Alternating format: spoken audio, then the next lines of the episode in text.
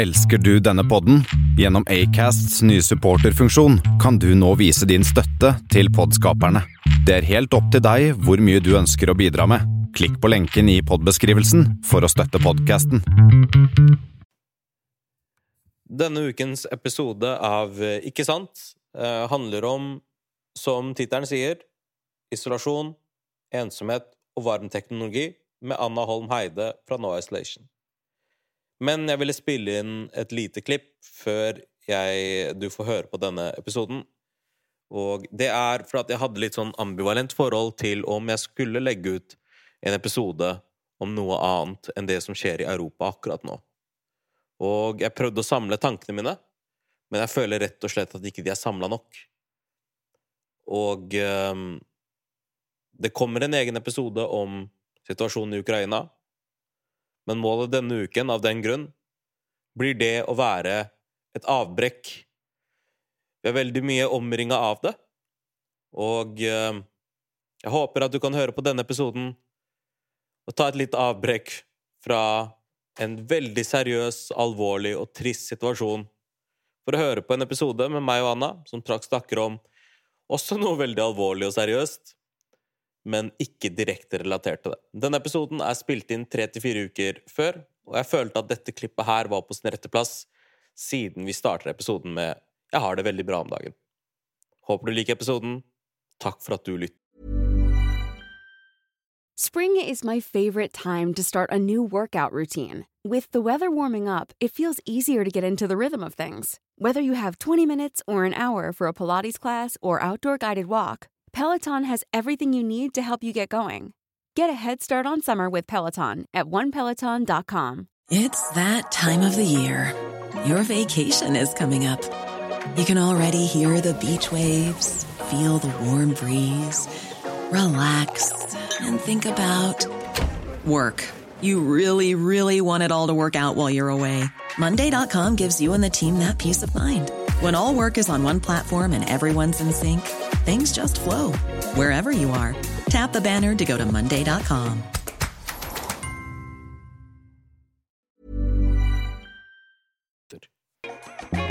Hei, mitt navn er Olan Raza Akvi, og velkommen til Ikke sant. Hei, og velkommen til en ny episode av Ikke sant. I dag har jeg med meg en gjest som eh, skal snakke om isolasjon. Snakke om å ikke være isolert. Effekten av isolasjon på oss. Noe jeg tenker er veldig relevant i disse tider. eh, Og blir dessverre relevant for oss i eh, korte perioder her og der. Eh, Det jeg snakker om, er jo så klart lockdowns. Sitte hjemme på hjemmekontor, ha mindre kontakt med alle andre. For min del ha kontakt med venner gjennom internett og gaming og Discord og kanskje noen FaceTime-møter midt på dagen. Eh, Det har jo en effekt på oss, ikke bare i forhold til kjedsomhet, men også i forhold til mange, mange andre ting. I dag har jeg med meg Anna Holm Heide fra No Isolation, som er en av grunnleggerne av selskapet No Isolation, som vi skal snakke om nå. Velkommen, Anna. Tusen takk. Hvordan går det med deg? Det går bra med meg. Det Ja. er det fint i dag. Hvordan har du hatt det i lockdowns? Eh, jeg fikk meg faktisk kjæreste i den første lockdownen, Okay. så jeg har hatt det ganske bra. Ja. Men eh, jeg syns det er veldig kjedelig å jobbe på hjemmekontor. ja, det kan jeg se for meg. Eh, ja, men Det er jo en bra løsning til det hele. Eller så bra tilfeldighet, heter det. Ja. Uh, at du fikk deg en kjæreste akkurat det det starta. Mm. Uh, bra test for forholdet med en gang. Og ja, det har bare gått fint, det, altså. Så bra. så bra. Um, du jobber i noe som heter No Isolation. Og eh, for de som lytter, som ikke kjenner til det, hvordan vil du introdusere eller eh, forklare hva No Isolation er? Mm. Så No Isolation er et eh, selskap som lager teknologi for å knytte mennesker sammen. Vi lager noe som vi kaller for varm teknologi, som er teknologi eh, utviklet kun for å løse problemer med relasjon. Da. Altså at man skal kunne snakke sammen på en bedre måte, øke livskvaliteten ved å være mer koblet på resten av eh, resten av befolkningen, men eh, kanskje sine nærmeste. Eh, og vi har utviklet en skolerobot som heter AV1. Den er eh, Det er mange som kjenner den igjen fra Telia-reklamene. Ok, ja. Og det er en avatar som kan stå i et klasserom, sånn at barn og unge som av forskjellige grunner ikke kan gå på skolen, eh, kan koble seg på å være med i klasserommet gjennom den stedfortrederen. Ja. Og så har vi også utviklet noe som heter Komp, som er en datamaskin med én knapp. Som er utviklet da spesielt for de helt mest analoge i samfunnet. Eh, så den skrur man på og av, og da kan man motta innhold eh, som sendes via Komp-appen, da. Ok. Hvor hele målet er at man skal føle mestring, og samtidig få mer kontakt med sine nærmeste, selv om man synes teknologi er noe som kanskje ikke er for dem, da. Mm. Eh, og det har vi gjort fordi vi vet at ensomhet er noe man opplever eh, Alle opplever det i løpet av livet, men vi vet at det er spesielt som en slags U, hvor de yngste og de eldste er de som kjenner mest på det. Ja, Og så vet vi at det å ikke være med på skolen, ikke være i klasserommet, ikke være på den arenaen hvor alle de på sin egen alder er, det, det gjør at man faller veldig fort utenfor. Ja, At man blir fort glemt. Barn tilpasser seg veldig bra. Eh, så det tar ikke så lang tid før man på en måte forsvinner litt da, fra eh, eh, hverdagen. Hvis man blir borte fra klasserommet. Eh, og det har eh, ganske alvorlige konsekvenser mm. hvis man da ikke kommer seg inn igjen i Mm. miljøet. Da. Det kan jeg absolutt se for meg. Hva slags effekt tror du at disse lockdownsa har på oss, da? Først og fremst så tror jeg folk har blitt veldig klar over hvor avhengig vi er av hverandre. Mm. Eh, Jeg tror veldig mange har kjent på ensomhet og følt på det å liksom være ufrivillig sosialt isolert for aller første gang. Mm. Og det er en ordentlig vond følelse. Det er det. Eh, og vi vet jo at det å leve i liksom ufrivillig ensomhet, for vi skiller ensomhet altså det, er, det, er, det er ikke bare det å være alene, det kan gå helt fint å være alene, Ja, ja. men det er det å, å ha eh, et gap mellom forventet sosial kontakt og faktisk sosial kontakt. ja, ikke sant? Det er sant, det. Mm, Jeg kan forstå det. Jeg, jeg trives jo veldig godt i mitt eget selskap. ja.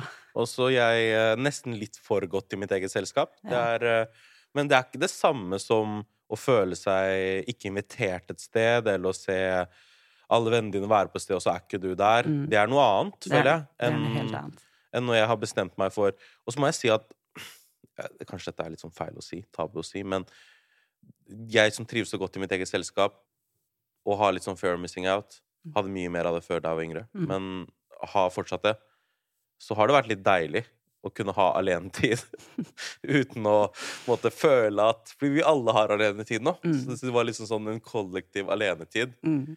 Uh, Så så jeg syns jo at det var litt nice, nesten. Og du var ikke alene om det, og det var også noe vi så eh, etter den første lockdownen. Så så vi forskning som tydet på at eh, det var flere som følte seg mye bedre når alle andre Aha. også var eh, plutselig isolert. Da. Så Ja. det at alle måtte sitte hjemme alene, Mm. gjorde at de som kanskje satt hjemme alene fra før av, Ja. følte seg mye bedre. Fordi Ja. da var plutselig alle i samme båt. Mm. Eh, og det blir jo akkurat sånn som man snakker om det, at det er en forventningsstyrt greie. Mm. Eh, så på mange måter så da var jo pandemien plutselig på en en positiv ting, da. Fordi da var det ikke lenger sånn eh, ufrivillig. Det ble, det ble Alle måtte gjøre det, da. Uh. Vi vet jo også at hvis man eh, kjenner på følelsen av å være ensom over tid, Mm. eh, så kommer man ofte i sånn, litt sånn flight eller, eller fight mode, da, som det heter. Hvor du får høyere puls, og eh, det er en del negative helsekonsekvenser av det.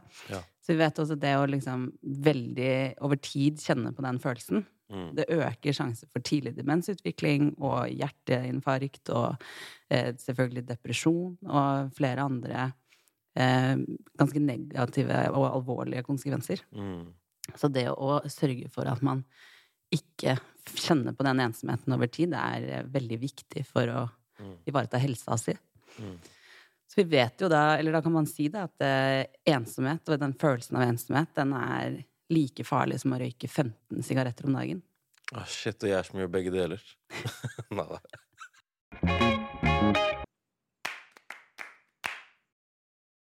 Men eh, så, så dette visste jo dere eh, til en viss grad før dere skulle starte No Isolation. Mm. Eh, når starta dere med det? Hvordan starta det hele? Det starta i Startup Lab i Oslo, som Mm. ligger oppe ved Forskningsparken. Mm.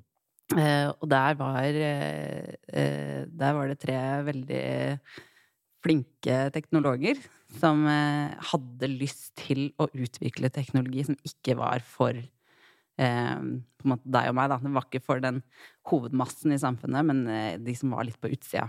Okay. Eh, for da har du veldig mange som utvikler akkurat for oss. Altså en sånn iPhone-type eh, Mac-er altså Alt av teknisk utstyr er på en måte laget for å gjøre raske folk raskere. Mhm. Men så kan du faktisk se, hvis du ser på en sånn isolinpumpe, så kan det fort se ut som en sånn der 80-talls personsøker. Mm. Eh, og det er også ganske mye som ikke utvikler seg. Det er jo fortsatt liksom hjemmetelefoner med store knapper som tilbys til de som ikke klarer å bruke teknologi, da. Doro er jo et sånt selskap som har sånne store knapper. Ja, Doro har telefonen med store knapper. Og No Isolation har komp. Ja. Men eh, eh, eh, vi begynte å eh, se på hva, hvor skoen trykket mest, da. Eh, og så kom en som heter Karen Dolva, som er eh, CEO, CEO i No Isolation og også en av medgründerne.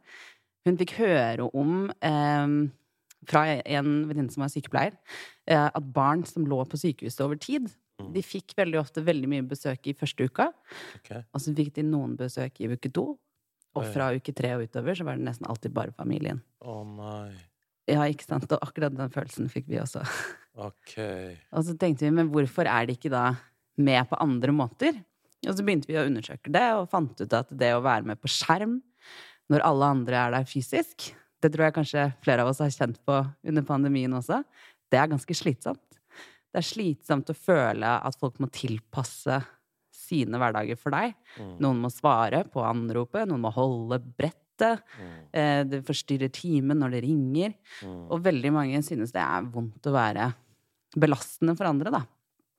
Så vi hadde lyst til å lage noe som gjorde at de kunne ta kontroll over sin egen hverdag, og samtidig være med i klasserommet. Og sånn ble ideen om AV1 født, da. Og egentlig så skulle den ha skjerm. Den har ikke en skjerm. Det er en sånn hvit Den ser litt ut som Iron Man og Evie fra Wall-E. Lættis. Eh, men eh, vi, vi tenkte egentlig at den skulle ha skjerm, så man kunne på en måte se begge veier. Men da fikk vi høre fra mange av de som testet prototypene våre, at eh, de helst ikke ville synes. Ja, fordi at de er syke og ikke vil De er syke, de ligger kanskje på sykehus, de har kanskje tuber i nesa eller ligger i et mørkt rom. Men så lenge de er koblet på AV1, så kan de på en måte late som at de er i toppform. Eh, Så derfor så fjernet vi da skjermen. Og da eh, var vi i gang med No Isolation. Vi hadde funnet det, det første vi ville lage. Vi hadde funnet hvilket problem vi ville løse. No Isolation betyr jo på en måte ingen isolasjon. Og så så vi at det var veldig få som jobba innenfor dette her, da. Det var ikke så veldig mye forskning å finne. Det var ikke eh, så veldig mange selskaper å sammenligne oss med. På isolasjon og ensomhet. Mm. Mm. Så da følte vi oss jo også veldig nødvendige. Eh, så vi har brukt mye tid på å samle forskning, og også gjøre egenforskning. Eh, nettopp for å finne gode løsninger på problemene, da. Så det første vi gjør når vi skal utvikle noe, det er at vi prøver å finne nøyaktig hvilket problem vi skal løse. Ja. Så AV1 ble jo da problemet med å ikke kunne være i klasserommet, og problemet med å ikke kunne bruke eksisterende verktøy. Eh, så eh, jobba vi en del med Kreftforeningen. Og så var Kreftforeningen De sa til oss at de gjerne ville at vi skulle utvikle noe for de eldste medlemmene til Kreftforeningen. Ja. For der er det mange som da kanskje var mye alene, da. Så egentlig tenkte de kan vi ikke bruke AV1 til det, og så var vi litt sånn AV1 er designet nettopp for at en tiåring skal synes den er kul, ikke en 90-åring. Eh, så da satte vi oss ned og prøvde å finne nøyaktig hvilket problem vi ville løse for den målgruppen. Jeg skjønner. Og da ble det det problemet. Eh, for det er jo på en måte Du velger alltid vekk noe når du skal finne en løsning. Eh, og vi valgte da å fokusere på de som hele tiden skulle ønske de hadde mer kontakt med familien sin. Okay. Hvor de har da en familie som også da hele tiden føler at de kanskje ikke strekker helt til. Ja. Det er jo veldig vanskelig å være pårørende, da. Ja, og det er ofte veldig eh, på en måte eh, forskjellig i tid og ressurser og forventninger til kontakt, da. Eh, og samtidig så kommuniserer vi på en helt annen måte enn det vi gjorde før. Mm. Jeg vet ikke med deg, men jeg snapper kjempemasse. Ja, ok. Ja. Og det å ringe, det er litt sånn Hvem ringer i dag? Ok, ja, jeg er sånn som ringer faen. Jeg, jeg er litt ringer, og jeg vet at det er en meme. Jeg vet at det er litt irriterende å, å være den karen som ringer. Bare send en SMS. Det går fint. Men eh, nei, det er Jeg har en sånn greie, da, når det gjelder akkurat det med ringing og SMS. Mm. Det er så mye lettere å misforstå noen over SMS enn når du snakker med dem, og de hører stemmen din, og de Mm. hører toneleiet ditt, og du hører hvordan du prater. Ehm, så, så, så jeg bare, jeg bare Og så syns jeg det er så effektivt å bare ringe folk og prate med dem. Mm. Men du har jo rett. Mm. Altså, jeg anbefaler folk å ringe. Jeg tror det du sier, er veldig viktig. Bare det å høre noen andres stemme kan være, Mm. ha en veldig positiv effekt på sinnsstemningen sin, da. Mm. Men det er enn så lenge ikke veldig mange som ringer så veldig mye. Eh, og i de yngre aldersgruppene enda færre. Ja. Og det å liksom ringe bestemor for å snakke i 20 minutter om eh, i alt og ingenting, liksom, det er for mange litt sånn åh, det skal jeg gjøre i morgen. Jeg tar det i morgen. Så vi hadde veldig lyst til å på en måte eh, få våre kommunikasjonsmetoder inn eh, i en pakke som gjorde at man også kunne være med på det, Mm. selv om man ikke liker teknologi. Eh, Så hvordan det fungerer det? Ja. Ja. For det var det vi, vi samlet hele selskapet. Da var vi 17 stykker. Eh, og så fikk vi presentert disse problemstillingene. Og så prøvde vi da å finne eh, en løsning på problemet. Eh, vil ha mer kontakt, føler at de ikke har tid til å gi mer kontakt. Eh, og ut av det så ble da Komp det produktet som viste seg å være mest lovende. Og Komp er da en sånn skjerm. Den er sånn 21,5 tommer, en ganske stor skjerm. Mm. Og så har den én knapp som du skrur den av og på med. Og den knappen, den har litt motstand i seg. Eh, så det er litt som en sånn gammel radio, nettopp for at den skal kjennes igjen. Man kan ha en liksom følelsen av 'nå skrur jeg på noe'. Eh, og det er matt plastikk, fordi vi vet at eh, sånn shiny plastikk kan fort skape refleksjoner, som blir vanskelig å se. Og så er det bare veldig høye kontraster. Så det er hvit skrift på svart bakgrunn. Eh, og store bilder, og, og så kan man også videoringe med den, da. Så da kan man laste ned en app, og så kan man laste opp bilder i appen, som da kommer eh, på Komp. Og så kan man også sende meldinger, og så kan man også da ha videosamtaler. Og for veldig mange så er det første gang de ser en videosamtale. Som er ganske sykt når du tenker på det. ja, det er weird å tenke på, for det er så vanlig for oss. Og det er eh, ikke vanlig for alle. eh, men det vi så med Komp, da, det viktigste vi måtte tenke på, det var eh, at man, vi lagde noe som var utviklet på premissene til de som skulle bruke dem. Eh, så for eksempel da Det er veldig mye som har touchskjerm. Og touchskjerm, det bruker vi ofte. Men jeg vet ikke om du husker da du liksom prøvde din første smarttelefon som hadde touchskjerm? Eh, jeg husker, ja, en kompis av meg fikk seg iPhone 3G, Ja. og det var sånn wow. Og det var ganske liksom, stress å skjønne helt hvordan det funka. Ja, kanskje jeg husker ikke stresset, men, eh, men det kan hende. Eller du tok det sikkert kjempelett. Jeg vet ikke. Jeg var, jeg var ganske ung, så jeg vet ikke. Ja, eh, men det er i hvert fall ikke spesielt intuitivt å bruke en touchskjerm. Og du må også ha et forhold til det du ser på touchskjermen. Så for eksempel at et symbol av et hus gjerne betyr hjem, som Mm. da betyr på en måte en slags hovedmeny. Men alle disse tingene har jo vi lært oss gjennom å bruke teknologi ofte. Ja, det er sant. Det er eh, det, i, I gaming så sier man jo også ofte det at det er fordi at vi har spilt en del spill gjennom tidene, at vi skjønner hvordan de fremtidige spillene skal funke. Mm. Hvis du gir det samme spillet til noen som aldri har spilt videospill før, Mm. så vet ikke de hvor de skal gå. Mm. Og det finnes en del YouTube-videoer på det. Sånn her, jeg lot kjæresten min spille Ja. et spill for første gang i livet sitt. Og her er de tingene hun ikke forsto, og da blir hun alltid overraska. Ja, hun forsto ikke det, da. Ja, ja. Mm. Så vi ville bare lage noe som var helt umulig å ikke kose seg med å bruke. Mm. Eh, så komp er Det er helt umulig å ikke klare å bruke komp. Mm. Eller det er ganske umulig, i hvert fall. Mm. Eh, og da føler man også at man får det til, som gjør at man vil bruke det mer. Mm. Interessant. Hvor lenge har Komp vært ute? Eh, vi lanserte vel den i september 2018, tror jeg det var. Mm. Vi hadde første sånn beta-versjon klar i desember 2017, og så brukte vi litt tid på, Mm. på å liksom lage den ordentlige versjonen. Mm. Eh, og det var sammen med Elkjøp, da. Så gikk vi sammen med Elkjøp i 2018 og lanserte den der. De, solgte kanskje ikke liksom sånn Vi hadde tenkt at bare kommer til å renne ut av hyllene. Dette er jo helt genialt. Men det er ikke sånn det funker. Men så kom mars 2020. Ja, ikke sant? Og da økte absolutt alt. Da steg kompsalget vårt med 480 Oi, vi, vi solgte ut alt på to uker. sjukt. Plutselig kunne jo ikke folk besøke eh, foreldrene sine eller besteforeldrene sine, men jeg tror også at det hadde noe å gjøre med at eh, plutselig kjente folk på den følelsen av å være alene. Mm. Og da ville de også sørge for at sine nærmeste ikke kjente den følelsen. Mm. Eh, og da kjøpte de komp da, til sine eldste, eldste um, slektninger. For vi så at det, man hadde plutselig veldig mye fokus på de som satt isolert Mm. på sykehjem og sånne ting. Eh, men det er veldig mange av de som ikke møter veldig mange når det ikke er pandemi også. Mm. Så det er noe med Men det er, det er kanskje den der at muligheten for å dra og besøke det ikke var der. mm, Så da ville vi liksom gjøre det.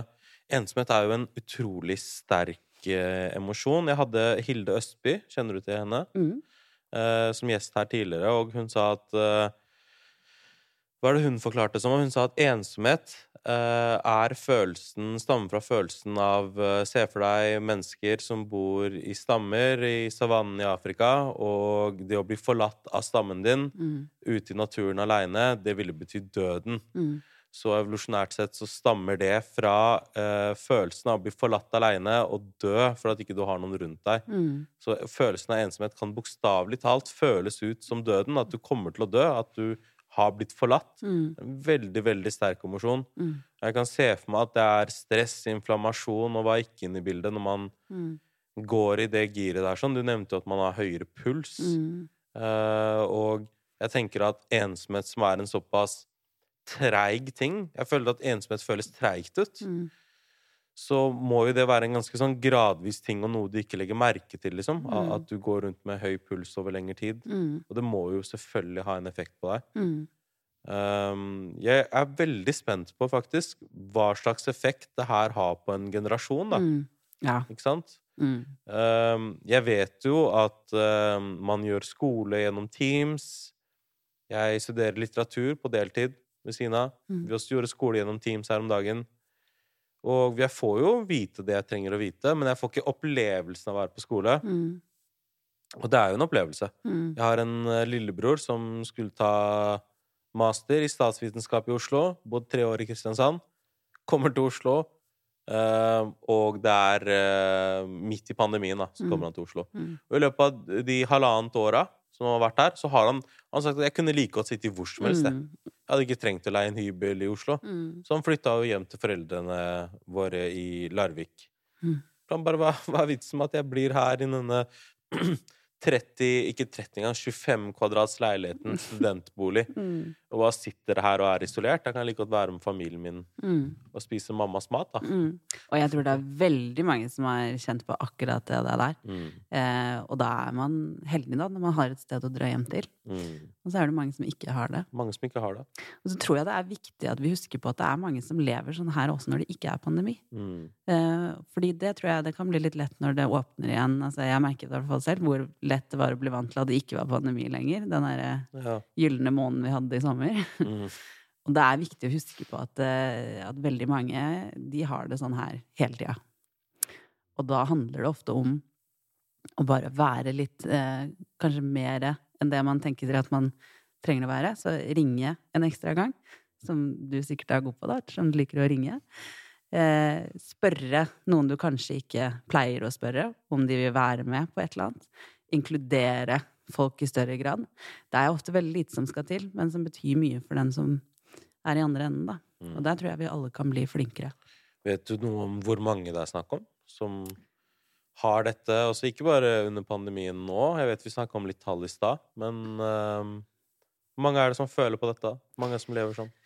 Altså, det er jo eh, De aller fleste av oss kjenner på ensomhet eh, på et eller annet tidspunkt i livet, og så vet vi at eh, du er veldig mye mer utsatt når du eh, bryter opp i livet. Eh, så hvis du flytter til en ny by, eller du starter i en ny jobb, eller du gjennomgår et samlivsbrudd, eh, eller du mister en partner Alle disse på en måte livsbegivenhetene, da, utgjør en fare for at man kan havne i en sånn situasjon. Og ofte at man også eh, har det lite grann. Jeg tror veldig mange som begynner å studere, kan kjenne litt på ensomhet i begynnelsen, mens man på en måte justerer seg, og så kommer man litt inn i det.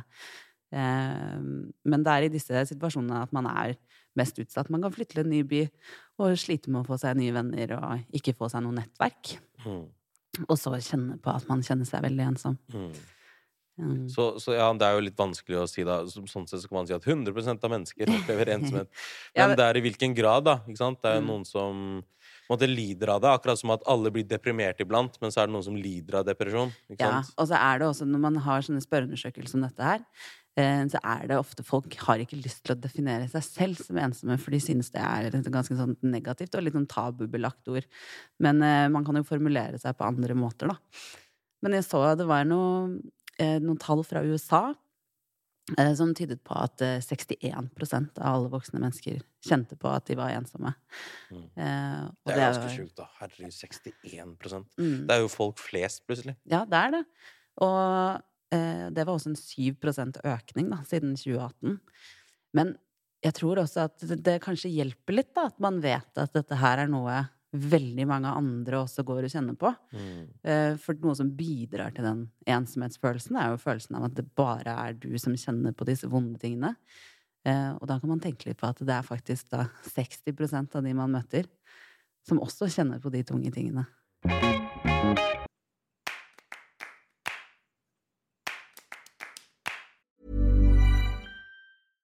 Spring is my favorite time to start a new workout routine. With the weather warming up, it feels easier to get into the rhythm of things. Whether you have 20 minutes or an hour for a Pilates class or outdoor guided walk, Peloton has everything you need to help you get going.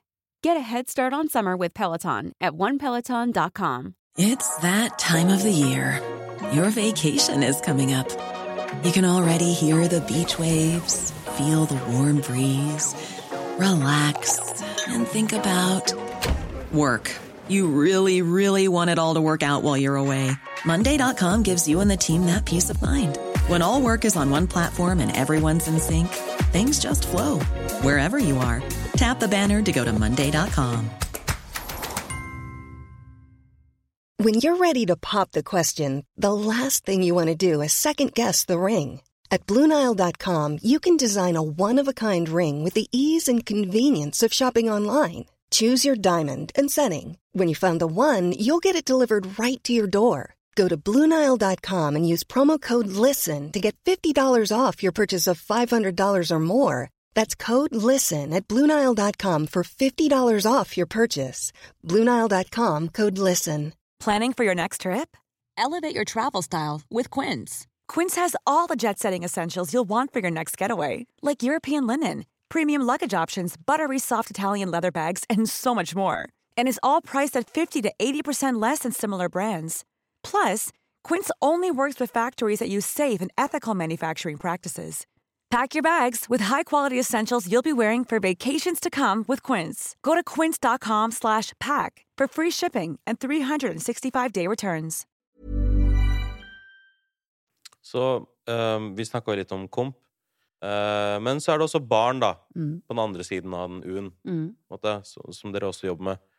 Hvordan er det for dem? Måte? Altså det, jeg har aldri kjent uh, noen syke barn, så jeg er ganske blank på det, om, mm. om hvordan et sykt barn over lengre tid, og selvfølelse og liksom, mm. behov og mm.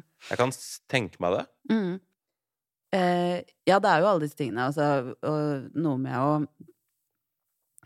være med på det som skjer. Så det er jo liksom eh, AV1 ser vi brukes i klasserom, og den største effekten, det er kanskje den sosiale effekten. Mm. Det at man vet hva som skjer. Man kan bli invitert med på den pizzaen som skal spises etter skolen, mm. fordi man var der da man lagde avtalen. Mm. Man vet at eh, liksom Martin brakk armen og har armen i fatle. Eh, Man vet at læreren er gravid. Altså man liksom er med på de små tingene, og det er noe av det viktigste, da. Fordi da er man med i det fellesskapet. Eh, og så vet vi at det er mange som ikke går på skolen, eh, men vi vet ikke alltid hvorfor. Og det må vi også bli mye bedre på, og faktisk eh, eh, Jeg holdt på å si notere årsaken til fravær, da. Mm. Det er mange, mange barn som ikke går på skolen, men man fører ikke eh, årsak til fraværet. Lærerne, da, eller? Ja, eller skolesystemet, da. Hvorfor ikke? Eh, nei, det kan du lure på. Vi eh, prøver å få dette på plass også i Storbritannia, for de gjør heller ikke det der. Som gjør det på en måte vanskelig å kanskje avdekke situasjonen. Hva er det som faktisk skjer? Eh, og så vet vi at det er veldig mange som, som ikke går på skolen fordi de syns det er vanskelig, altså som kanskje vegrer seg for å gå på skolen. Mm. Og der eh, ser vi jo også at det på en måte blir verre jo lenger tid det tar. Og det tror jeg liksom vi alle kan kjenne oss igjen i, da. At hvis man har vært borte fra jobb over lang tid, så kan det være ganske tungt å komme tilbake Mm. i rutinene, komme tilbake i miljøet. Det er mye som har skjedd som du ikke vet hva er. Mm. Eh, og da er det også lett å på en måte Mm. ikke komme tilbake. Jeg tenkte, jeg syns jo at åpningen av samfunnet er vanskeligere enn eh, lukkingen av samfunnet. Eh, og det var liksom fordi at det var sommer, og jeg får alltid det her rundt sommer. så blir jeg sånn her, eh, Det blir nesten litt sånn poetisk. Mm. Bare sånn, Hva er en dag verdt? liksom? Det er, det, er så fi, det er så fint vær, og liksom alt er så bra, og alle er ute, og nå må jeg på en måte Nå skal jeg ut og carpe diem, på en måte. Jeg skal Ja. nyte dagen, og jeg skal ditt og datt. Og så bare ender jeg opp med å stå og se ut av vinduet, da. Bare sånn øh, Ja. Det er så mye forventninger til hva jeg skal Ja. gjøre.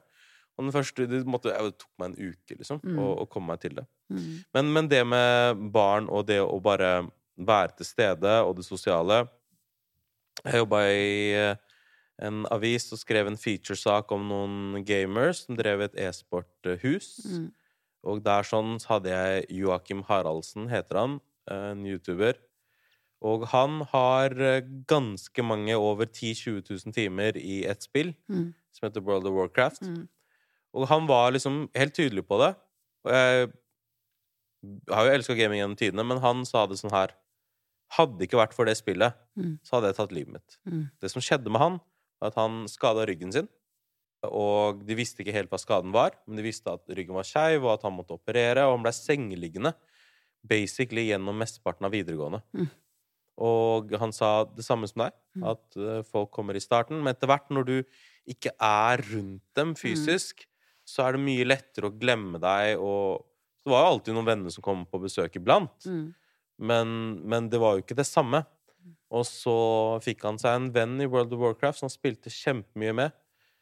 Begge to snakka engelsk, skrev på engelsk, for de Mm. trodde de spurte om alt annet i livet utenom hvor de bodde. da. Mm. Fant ut at de bor jo i samme land, de er jo begge to norske. Veldig morsomt. Men, eh, men, men det har en så enorm effekt, da. Mm. Ikke sant? Og det er jo ikke sikkert at du finner alle klassekameratene dine på World of Warcraft, da, eller Apex Legends, eller Fortnite, eller hva enn du velger å spille, liksom. Mm. Så at det fins noe til å være der i klasserommet, eller på en bursdagsfest. Mm. Og hvordan fungerer det da? Er det sånn at den kiden styrer en robot hjemmefra med en fjern, som en PlayStation-kontroll, eller hvordan fungerer det? Altså, det er eh, eh, du, Hvis du sveiper på skjermen, så beveger du hodet til AV1. Ok, Så du på en måte styrer alt den gjør. Den kan ikke kjøre rundt og sånn? Nei, den er stasjonær. Eller er stasjonær. altså, man kan bære den rundt, da. Den veier sånn en kilo. Mm. Um, men uh, hele tanken der var jo nettopp det at man må ha en fysisk representasjon. Mm. Og det så vi jo også forskning på, at hvis man hadde satt, um, satt en teddybjørn da, på pulten til den eleven som ikke var der, så tok det veldig mye lengre tid før, uh, før man på en måte ble glemt, da. Man, hadde, man fikk en mye helt annen bevissthet rundt den eleven som ikke var der lenger. Tror du ikke det er derfor visse religiøse folk har religiøse symboler og de tingene rundt seg? Jo. Jo, for at det de minner dem på Mm. ja. Ja, det er akkurat det. Og religion er også ganske spennende, for dette her er noe eh, vi tenker mye på. Mm. At eh, eh, en av grunnene til at vi føler oss mer ensomme nå enn før, da, Mm. kan ha noe å gjøre med at vi, vi har et mer sekularisert samfunn. Altså, du har ikke lenger de samlingsstedene som, som alle føler en tilhørighet til. Ja, så alle Eh. burde bare bli muslimer, det er det du prøver å si? Alle burde bli muslimer. Eh, Eller i hvert fall det er å være en del av større fellesskap, da, som er på en måte større enn seg selv. Jeg tror det kan ha en veldig positiv effekt. Jeg har jo reflektert over det når jeg sitter på byen før. Mm, Så jeg har tenkt sånn derre Faen, det eneste jeg ser folk samles over, mm, som rundt meg, eller bare i samfunnet generelt, så er det alkohol. Det er Mm. rus, liksom. Det bringer oss mer sammen mm. enn noe som helst annet i samfunnet vårt. Husker jeg satt der og tenkte sånn Kunne det vært andre ting som kunne samles på samme måte? Og det trenger ikke å være at vi skal samles for Gud i kirken, liksom, men, Nei. Men det er også uh, hobbyer og interesser og altså Vi ser det veldig um, der hvor folk har på en måte vært i en situasjon hvor de har følt seg veldig ensomme, og så uh, kommet seg ut av det, så er det gjerne fordi man har Mm. eh, møtt noen som man har felles interesse med. Man har kanskje blitt med i en gruppe som går tur, eller eh, det kan på en måte være hva som helst. Og det vi også vet, er jo at for å ikke lenger føle seg ensom, Mm. så er det snakk om å ha på en måte to-tre kvalitetskontakter. Det er ikke sånn at man må ha veldig mange venner, men man må ha de to-tre vennene da, som man kan på en måte stole på. mm. Uh, ja. Så uh, er dette noe som koster mye? Å melde seg inn i en Nei, jeg mener dette å ha Å roboten og og, og, og disse tingene her. Eh, AV1 er, er det skoleeiere som, som kjøper til skolene sine. Så bra. For det er det jeg skulle liksom til å spørre litt sånn om. For at det hadde jo fort liksom blitt litt sånn at det er fordi foreldrene som har råd til det, på en måte. Ja, og det, vi så veldig fort at det er eh, eh, Altså, i begynnelsen så var vi litt usikre på hvem- som skulle kjøpe av en, og da så vi at det, det ansvaret faller ganske fort på skolen. Mm. Eh, og det er jo også enig. skolen som har ansvar for å tilby opplæring til alle elevene sine. Mm. Og da kan AV1 brukes som et fjernundervisningsverktøy. Dritbra. Eh, komp, det er kan man få tak i på to måter. Det er noen kommuner som investerer i komp og bruker komp i sykehjem og med de som eh, bor hjemme. Fordi vi ser også at eh, Eller vi har ganske gode indikatorer på at man kan at man blir boende lenger hjemme hvis man har komp. For man får økt livskvalitet og får aktivisert seg mer, og derfor kan bo da lenger hjemme. Og da vet vi at for hver dag man bor lenger hjemme, så sparer kommunen mye penger. Klart. Så de da har et eh, insentiv for å investere i det. Eh, og så ser vi at det er eh, familier som investerer i komp til sine slektninger. Og det er jo på en måte den største biten, da. Mm. Og da koster komp koster 7000 kroner. Mm. Og da har man den til odel og eie. Mm. Og det er da litt mindre enn en iPhone. Ja, det er halvparten av en iPhone, egentlig. Og det er da en full datamaskin Mm. som man kan bruke. Og så jobber vi nå med å utvikle andre tjenester som man også kan ha i komp, som for eksempel fysioterapivideoer eller eh, eh, lydbøker. Ja, det mm. Da snakker vi. Ja. Musikk. Det er mange som på en måte Ja, Hvorfor ikke bare gjøre den om til en radio, på en måte? Eller sånn. Ja, så det vi ser på, er at man kan da kjøpe disse tjenestene i appen, og så kan det være på kompen. For det er litt viktig at vi ikke ødelegger brukervennligheten. Så det er veldig begrensa hva vi kan mm. gjøre. Mm. Det er for eksempel en av de tilbakemeldingene vi får mest, er folk som vil ha videosnutter på komp. Mm. Men det å vise frem en videosnutt i en sånn karusell Altså, det er veldig forvirrende fort, da. Mm. Hvor er det, når er det videoen begynner, når er den slutten? Skal den spille av lyd? Skal den gå om igjen og om igjen? Altså, det er liksom ikke bare bare. Mm. Og i tillegg så er det å se en videosnutt noe vi er veldig vant til. Mm. Men det er ikke kjempenormalt hvis du ikke er vant til det. Nei, nei, nei. Er det en direktevideo? Er det en eh, telefonsamtale? Altså, det er fort ganske mange implikasjoner, da. Mm. Som man ikke tenker over. Og en av de andre tilbakemeldingene vi har fått mye av, er at folk vil at man skal kunne like bildene på Mm. komp. Ok. Som også er en sånn Nei, ikke gi de likes. Hold de unna likes. Ja, Det er fordi en- det er, det er ingen som Ja. bruker komp, som har kommet og sagt ja, vi har veldig lyst til å kunne like bildene. Nei, Men det er noe man Mm. tenker at man skal gjøre når man får et bilde. Så skal man like det. Ja. Det starta jo med Jeg så det på en dokumentar, YouTube, et eller annet sted her om dagen. Der hvor de snakka om eh, at eh, det starta med at folk pleide å kommentere under bildene til hverandre for mye. Ja. I really like this photo. ja. At Facebook bare bestemte seg for å lage denne tommelen opp. Som uh, jeg ikke er fan av, egentlig, i det hele tatt. Nei, Jeg, vi har ikke tenkt å innføre Nei. liking som en mekanisme i komp. og Instagram skal jo fjerne antall og se antall likes. Mm. Selv om du fortsatt kan se antall likes, på en måte. Det er bare å trykke på og ha navn Mm. og scrolle litt. Hvis du er psycho nok til å sitte og telle 200 navn. Liksom. Men, men det, det er jo en fin ting. Da. Det er i hvert fall et, et tiltak av noe som helst slag. Jeg uh, syns at det er veldig spennende det dere holder på da, og uh, håper at det her uh, er noe som blir tilgjengelig for flere folk. Uh, jeg tror jo at dette sjiktet som dere jobber denne U-en, som du definerte som i starten, eh, det er nok mange som er liksom nederst i bua der, sånn, som Isolasjon for dem er noe de må sette en tiltak for selv. Mm. For det er ikke liksom teknologi det går på, som er grunnen til at de er isolerte. Mm. Og kanskje teknologi ikke heller kan løse det. Mm. Men jeg tror nok at du har veldig rett i noe du sa tidligere om at eh, i hvert fall nå, mer enn noen gang før, så burde vi kunne ha empati. Mm. Mer empati til de som har det sånn hele tiden. Mm. For nå har vi kollektivt som et samfunn følt på det. Mm. Så når vi går ut av det, så er det kanskje viktig å huske litt på de folka. Mm. Huske litt på den ene vennen som du på en måte kødder litt med at det er litt sånn introvert eller for mye hjemme, eller liksom Hvor har du vært i det siste? Vel? Ja. Ikke sant? Og folk som er dårlige på å ringe. Mm. Noen ganger så er folk dårlige på å ringe ikke fordi at de ikke vil ha kontakt med deg, men fordi at de kanskje det sitter litt langt inne å ringe noen ikke du har snakket med for lenge. Kanskje det er skummelt. Mm. Kanskje du virker mer sosialt suksessfull på Instagram og sosiale medier, Mm. og det føles langt At det bare rett og slett, rett og slett sitter langt inne å, ringe noen. Mm. Jeg har kjent på det selv, og jeg er en kar som aldri har tenkt på sånt i livet mitt. Mm. Mm. Ja, jeg husker også det da jeg flyttet for å begynne å studere, og plutselig føle seg helt sånn fisk på, fisk på land, hvor du Mm. ikke kjenner noe. Det er en ganske intens følelse.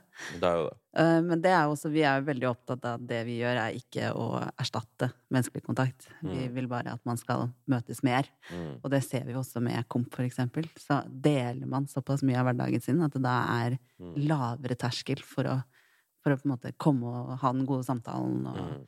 og være mer fysisk på besøk også. For jeg tror at tilhørighet er, er noe som er Jeg tror at det er et enormt problem. Som vi, vi spøkte om det i form av religion litt, men, men jeg tror at sant, Vi ser at eh, festivaler forsvinner. Mm. ikke sant? Kafé, datesa eller møtene med venner forsvinner. Mm. Eh, Pubbesøkene forsvinner. Eh, alle disse samlingsstedene vi hadde før, de forsvinner jo. Mm. Vi ser jo unge gutter, for eksempel, ikke sant, som havner på internett, havner på ulike forumer, og blir radikalisert alene på internett, ikke sant? Og hva er dette ropet som, for, for hjelp som disse unge guttene spesielt, da, men også jenter, har? Det er jo et sted de ønsker å tilhøre. Mm. Og det er derfor de ender opp på rare steder, for de føler rett og slett ikke at de tilhører noe sted. Mm. Og er den i form av en hudfarge jeg skal tilhøre? Er det religion jeg skal tilhøre gjennom? Mm. Er det kjønnet mitt? Er det alderen min? Mm. Hvordan skal jeg tilhøre? Mm. Eh, og det tror jeg er litt sånn, litt sånn vanskelig for folk å snakke om.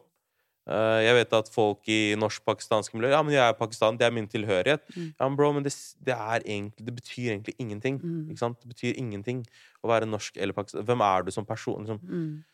Og etter at du har funnet ut av det, hvor skal du tilhøre? Det er så enorm ting, og jeg tenker at det at dere jobber med unge mennesker, Mm.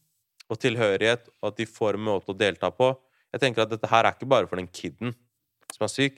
Dette er også for klassekameratene å lære seg Mm. at sånn er livet.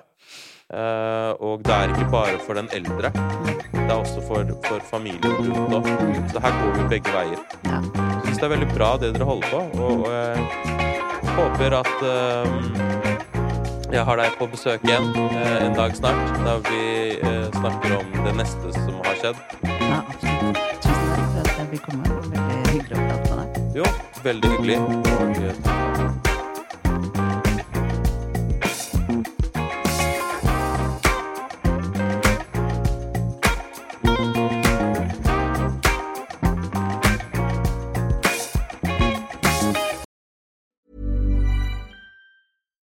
Normally, Being a little extra might be a bit much, but not when it comes to healthcare. That's why United Healthcare's Health Protector Guard fixed indemnity insurance plans, underwritten by Golden Rule Insurance Company, supplement your primary plan so you manage out of pocket costs. Learn more at uh1.com. Hey, folks, I'm Mark Marin from the WTF Podcast, and this episode is brought to you by Kleenex Ultra Soft Tissues, your ally to help tackle your allergy symptoms this season. I love the change of seasons, but nobody loves pollen and all those other things floating in the air that make you sneeze during this nice weather. Kleenex Ultra Soft Tissues are hypoallergenic and allergist approved, so fight back against watery eyes and runny noses without worrying about irritating your skin. For this season, grab Kleenex and face allergies head on.